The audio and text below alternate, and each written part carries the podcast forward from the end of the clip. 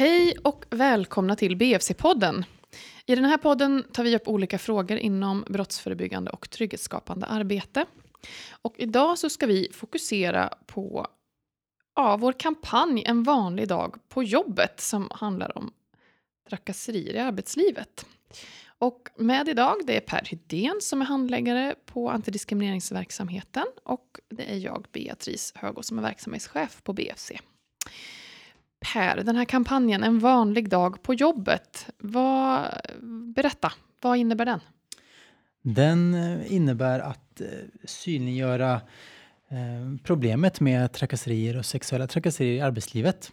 Vi vill ju synliggöra det här problemet och även visa på att arbetsgivare har en, en skyldighet och ett ansvar att, att motverka och förebygga trakasserier.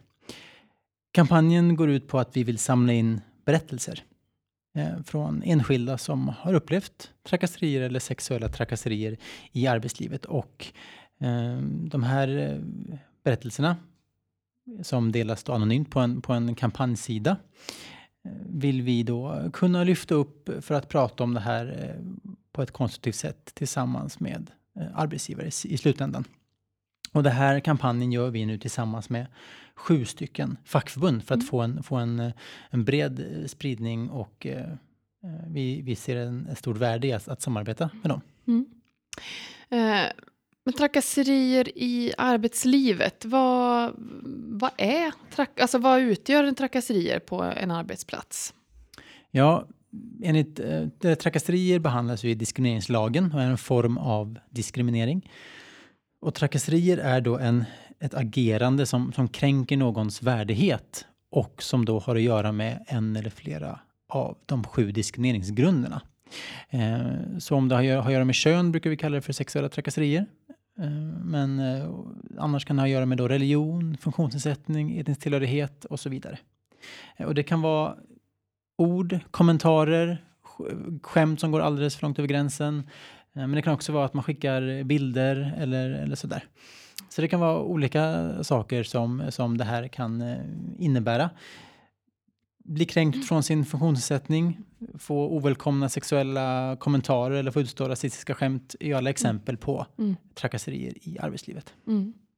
Hur vanligt är det? Är det, ja, är det? Hur vanligt är det att man är utsatt för det här eh, på jobbet? Ja, det är lite svårt att svara på. Um, då mörkertalet med all sannolikhet är, väldigt stort. Och i och med hela metoo-rörelsen har vi sett att, att uh, det här med sexuella trakasserier och sexuella övergrepp så har ju mörkertalet varit enormt stort. Mm. Uh, och då handlar det inte bara om arbetslivet då. Mm. Men det finns... Men där har ju andra sidan branscher gått ut Ja, eh, väldigt tydligt efter metoo också. Precis. Eh, som då verkligen pekar på arbetsplatsernas eh, problem. Precis, de är mm. ju inte förskonade heller så det är klart att de är en del av det. Om man tittar mm. på Arbetsmiljöverket, de gör eh, regelbundna eh, undersökningar eh, och den från 2015 visar att en av tio arbetstagare blir utsatt för diskriminering Eh, på arbetsplatsen där mm. trakasserier och sexuella trakasserier ingår.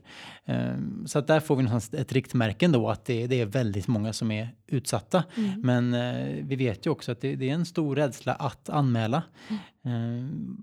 på grund av många olika saker uh, tror jag. Och därför är det svårt att säga hur många exakt som är, som är utsatta för detta. Mm. Jag tänker det också de här undersökningarna som visar ja, där man frågar då, kan det, ja, tror du att det kan finnas en, en okunskap också? Eh, som gör att man, alltså så att säga, ja, många kanske inte ens vet om att de har blivit utsatta för trakasserier, ens när man svarar på sådana här undersökningar. Tror du att det kan vara så också? Det, så kan det säkert vara det, för en del. Det är lite i underkant kanske ändå, mm. de här studierna. Så, så kan det absolut vara. Mm. Att eh, det man blivit utsatt för vet man inte själv är, mm. att det är trakasserier. Så. Just det. Just det. Eh, du nämnde ju metoo. Eh, det, så, jag tänker så här, den som har missat metoo under hösten eh, bor nog ganska enskilt. Eh, så. Eh, men hur kopplar liksom metoo och den delen, alltså hur kopplar det till vår kampanj då, en vanlig dag på jobbet? Mm. Eh, ja, alltså vi ser ju bara positivt på det här med metoo som har blivit en världsomspännande rörelse och som du nämnde nu också eh, har blivit väldigt relevant inom arbetslivet och sprider sig fortsättningsvis nu från, från bransch till bransch, bransch mm. och har öppnat upp samtalet på ett jätteviktigt sätt som vi nu liksom vi märker att vi är väldigt rätt i tiden nu med vår kampanj Mm. en vanlig dag på jobbet och vi kan liksom haka i i eh, det som metoo redan har liksom startat igång det Mm. samtalet och vi hoppas ju att, att eh, det kan bli många som vill dela med sig av sina berättelser.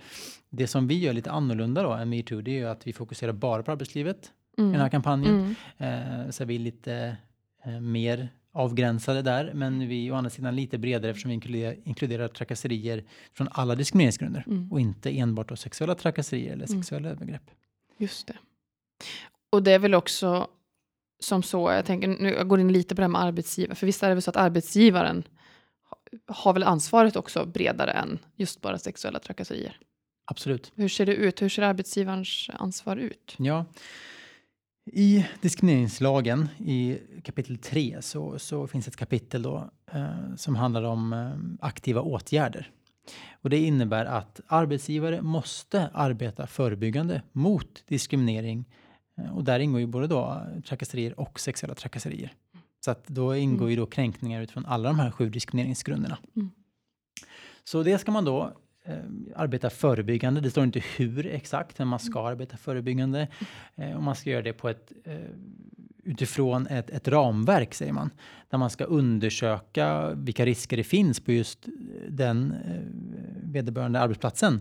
Eh, vilka risker det finns för diskriminering och trakasserier. Och sen då analysera de riskerna och ut, titta på vad, vad kan det bero på och sen åtgärda det. Mm. Och sen följa upp. Så det här ska göras kon- kontinuerligt. Och ett annat ansvar som man som arbetsgivare också har, det är ju att när det kommer upp till ytan då att, att trakasserier eller sexuella trakasserier förekommer så har man en utredningsskyldighet och sen en åtgärdsskyldighet. Man måste se till att de här trakasserierna upphör. Mm. Och det kravet är väldigt, väldigt starkt. Just det. Just det. Men jag tänker då, eh, hur, hur kan man undersöka om det förekommer trakasserier på arbetsplatsen? De vanligaste sätten är ju att, att föra in sådana frågor i sina medarbetarenkäter och på medarbetarsamtal och det är ett jättebra sätt. Mm. Sen kan man även jobba på, på flera sätt. Man kan eh, ta upp de här frågorna på APT. Man kan eh, eh, föra in det mycket tydligt i sin kom- kompetensutveckling också. Se till att eh, enhetschefer och så såklart, men även medarbetare får kunskap om de här frågorna. Mm. Eh, Så det finns många olika sätt man kan eh, lyfta de här frågorna på ett, på ett väldigt eh, bra sätt och hitta risker. Och bara Mm. det att, att tydligt visa att på arbetsplatsen att man, man får anmäla, Mm. att man inte kommer bli utsatt för, för bestraffning eller, Mm. eller repressalier som, som Just det. lagen talar om. Bara det ger en indikation på att det finns en öppenhet och att då fler kan våga anmäla eller uttala de här riskerna som Mm. kanske då finns. Mm.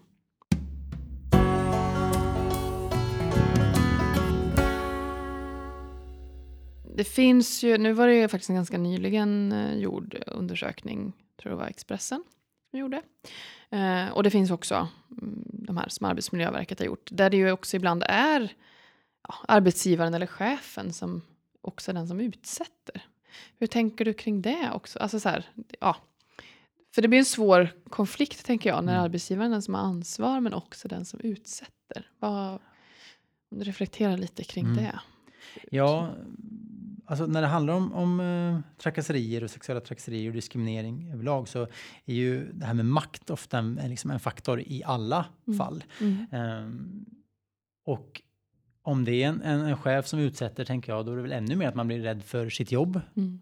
Eh, om man ska anmäla till Mm. den personen, om det är den Mm. personen som är problemet. Eh, och menar, om man inte kan gå till en högre chef, utan att det är den högsta chefen, då är det ju väldigt svårt. Mm. Då är man ju i ett sånt otroligt underläge. Mm. Ehm, och om man reflekterar då, då, då handlar det om att gå utanför organisationen helt Mm. enkelt. Att Mm. om man är med i ett fackförbund, kontakta sitt fackförbund Mm. eller komma till oss kan man Mm. ju också alltid Mm. göra. Ehm, men visst, det är det som är problematiskt och jag tror att det är, det är en del av den problematiken att, att det är många som inte vågar anmäla. Mm. Det är en del av det här, att man Mm. känner sig, att man har en, en um, underlägsen maktposition, om man ska säga, och eh, känner inte att man har det stödet om man skulle anmäla. Mm. Att man skulle stå där ganska själv. Mm. Eller att man till och med skulle bli utsatt för bestraffning eller ännu värre kränkningar om man eh, anmäler. Just det. Eh, och vissa, sen har du, alla har ett skydd i diskrimineringslagen att inte bli utsatta för repressalier. Mm. Men Mm. flera fall som har kommit upp så har man ju sett att dels har personer utsatts för trakasserier. När man har anmält så har man blivit utsatt för ännu fler trakasserier eller blivit uppsagd eller Mm. andra oegentligheter. Så att det, det är ett av problemområdena Mm. på, eh, inom det här. Just det. Och visst är det också så att man behöver...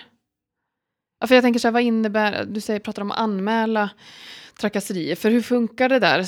Visst är det som så att man, man kan inte bara eh, gå och anmäla och så är det klart? För vad blir förutsättningarna, tänker jag? Om, om, om en person utsätts av en kollega Mm. eh, för trakasserier på grund av religion, säger vi. Mm. Vad behöver den personen göra som är utsatt för att de här regelverken ska börja Precis. rulla igång, så att säga? Ja, du kan, alltså det, det som är är att man eh, ska, den som utsätter eh, en person då, eller den här kollegan för, Mm. för trakasserier ska förstå att det här beteendet är oönskat. Just det. Eh, så att om du som blir utsatt då måste liksom gå och, eller måste säga det här, att jag upplever det här som kränkande. Mm. Sen måste du inte göra det till den personen direkt. Du kan ju alltid Mm. gå till din chef och säga att jag har upplevt det här Mm. och det är kränkande och då kan chefen ta det samtalet. Mm. Eh, men det är lite sådär att, att eh, en gång ingen gång nästan. Mm. Så att om, om det händer en gång ska man uppmärksamma den personen på det och arbetsgivaren och då ska det, man kunna få ändra sig. Mm. Om det inte är uppenbart kränkande saker. Mm. De flesta sexuella trakasserier är ju uppenbart kränkande och då, och Mm, då kan det räcka precis. med en gång på Just något det. vis för att det, det ska eh, Mm. sättas igång. Just det. Eh, Men det här att arbetsgivaren får reda på det är ju väldigt viktigt eftersom att om inte arbetsgivaren får reda på det ehm, så är det svårt för arbetsgivaren att utreda och åtgärda det. Mm. Sen såklart så ska ju, som vi varit inne på nu, arbetsgivaren ska undersöka risker och liksom göra det lätt att upptäcka. Precis. Men det är klart att, att arbetsgivaren har inte eh, ögon i nacken heller i alla fall, så det är, inte, det är inte helt lätt. Nej. Så därför är det så viktigt att, att våga ta upp det och våga prata om det och Mm. att man har en sån kultur på sin eh, arbetsplats. Precis. Eh, För det är någonting som har dykt upp inom de här bransch, eh, specif- alltså de här hashtagsen för olika branscher under metoo är ju Ja, på sina håll är det så här, men det här visste vi inte alls pågick. Så, och som du säger, så kan det ju vara, men eh, det har man ju också dels läst och jag, ser nog lite utifrån, så här, jag är ju själv arbetsgivare, att, att just vikten av att prata om att det är nolltolerans och leva att det är nolltolerans, att det blir viktigt för att inte det här rädslan för att lyfta det eh, ska förekomma, utan att jag tänker så här, en, en angelägenhet om att undersöka att det finns är viktigt att arbetsgivarna visar på. Eh, så för att sänka tröskeln till att, att berätta. Eh, vi har ju pratat lite om man kan vända sig till facket om man är medlem där. Eh, om man nu är utsatt och inte så att säga, kan vända sig till närmsta chef. Eller jag tänker man kan ju vända sig till facket alltid, Ja. tänker jag. Det kan vara en jätteviktig stöddel. Eh, men också vända sig till oss. Så, men och som sagt, igen, eh, vi vet från, från, från studier, jag menar vi har den här kampanjen för att vi vet att trakasserier förekommer. Metoo har visat det ganska mycket. Eh, och då tänker vi att så här, vi tycker ju inte att arbetsgivarna på något sätt är onda eller så, utan vi tänker att de vill ju göra det här på ett bra sätt. Eh, och vill ju såklart att de ska ha en trygg och bra arbetsplats. Så vart eh, kan, vad, vad, vill, vad, vill, vad kan arbetsgivarna göra? Om de nu vill göra på något annorlunda sätt och, och, och säkerställa att de får en trygg arbetsmiljö. Vad kan, de, vad kan de vända sig? Ja, vi finns ju Mm. återigen eh, Mm. här i Värmland som eh, vi har ju expertkunskapen kring det här. Mm. Eh, så här finns råd. Man kan alltid vända sig till oss. Mm. Sen finns det även bra information på Diskrimineringsombudsmannens hemsida Mm. www.do.se just för arbetsgivare. Mm. Så det kan jag rekommendera att gå in och kika där, för där har de många, mycket mallar och sådär vad, som, Mm. vad man är skyldig att, att ha och göra som, som eh, arbetsgivare. Mm. Exempelvis då att man är skyldig att ha en policy mot trakasserier och sexuella trakasserier nu då, Mm. eh, som är en av de nya kraven i lagen. Så Mm. eh, det tycker jag. Och man ska inte heller vara, vara rädd för att kontakta oss. Så, Mm. Som du var inne på, vi vill ju Mm. ha konstruktiva samtal kring det här. Vi vill hjälpa. Handlar inte om att eh, peka ut någon eller Mm. så där, sätta dit någon i det här Nej. fallet. Utan nu måste vi ta tag i de här frågorna på ett konstruktivt sätt. Mm. Och även då eh, menar jag ge, kunna erbjuda verktyg för arbetsgivare att kunna göra det här lätt. Mm. Eh, Att kunna jobba med det här på ett, på ett smidigt systematiskt sätt så att Mm. det inte eh, försvinner eh, i dåliga organisation, eller organisatoriska eh, strukturer. Mm. Utan det kan vara lätt att jobba med de här eh, frågorna, lätt att undersöka risker, skapa eh, kulturer där, där medarbetare vågar anmäla. Mm. Och när man vågar prata om de här frågorna, Mm. vågar prata om, om normerna och de sam, eller det samhällsproblem som det här är Mm. egentligen. Det är ju Mm. mycket större än arbetslivet men Mm. det får mm, stora konsekvenser i arbetslivet. Precis. Eh, vi kommer ju göra fler grejer, alltså aktiviteter kopplat till den här kampanjen, En vanlig dag på jobbet. Eh, det här problemet löser vi ju liksom inte på, på en dag. Eh, så vi kommer ju återkomma med fler poddar Amen. och aktiviteter på temat. Eh, och till dess, vart kan man gå in och läsa och se den här kampanjen? En vanlig dag på jobbet.com men då med ett A och inte ett Å. Just det, en vanlig dag på jobbet.com. Superbra. Ehm, då tackar jag för eh, den här gången Per, så återkommer vi i frågan om trakasserier i arbetslivet. Tack och jag vill också uppmana alla som lyssnar att gå in och dela sin berättelse om man har varit med om någonting på den här hemsidan. Toppen.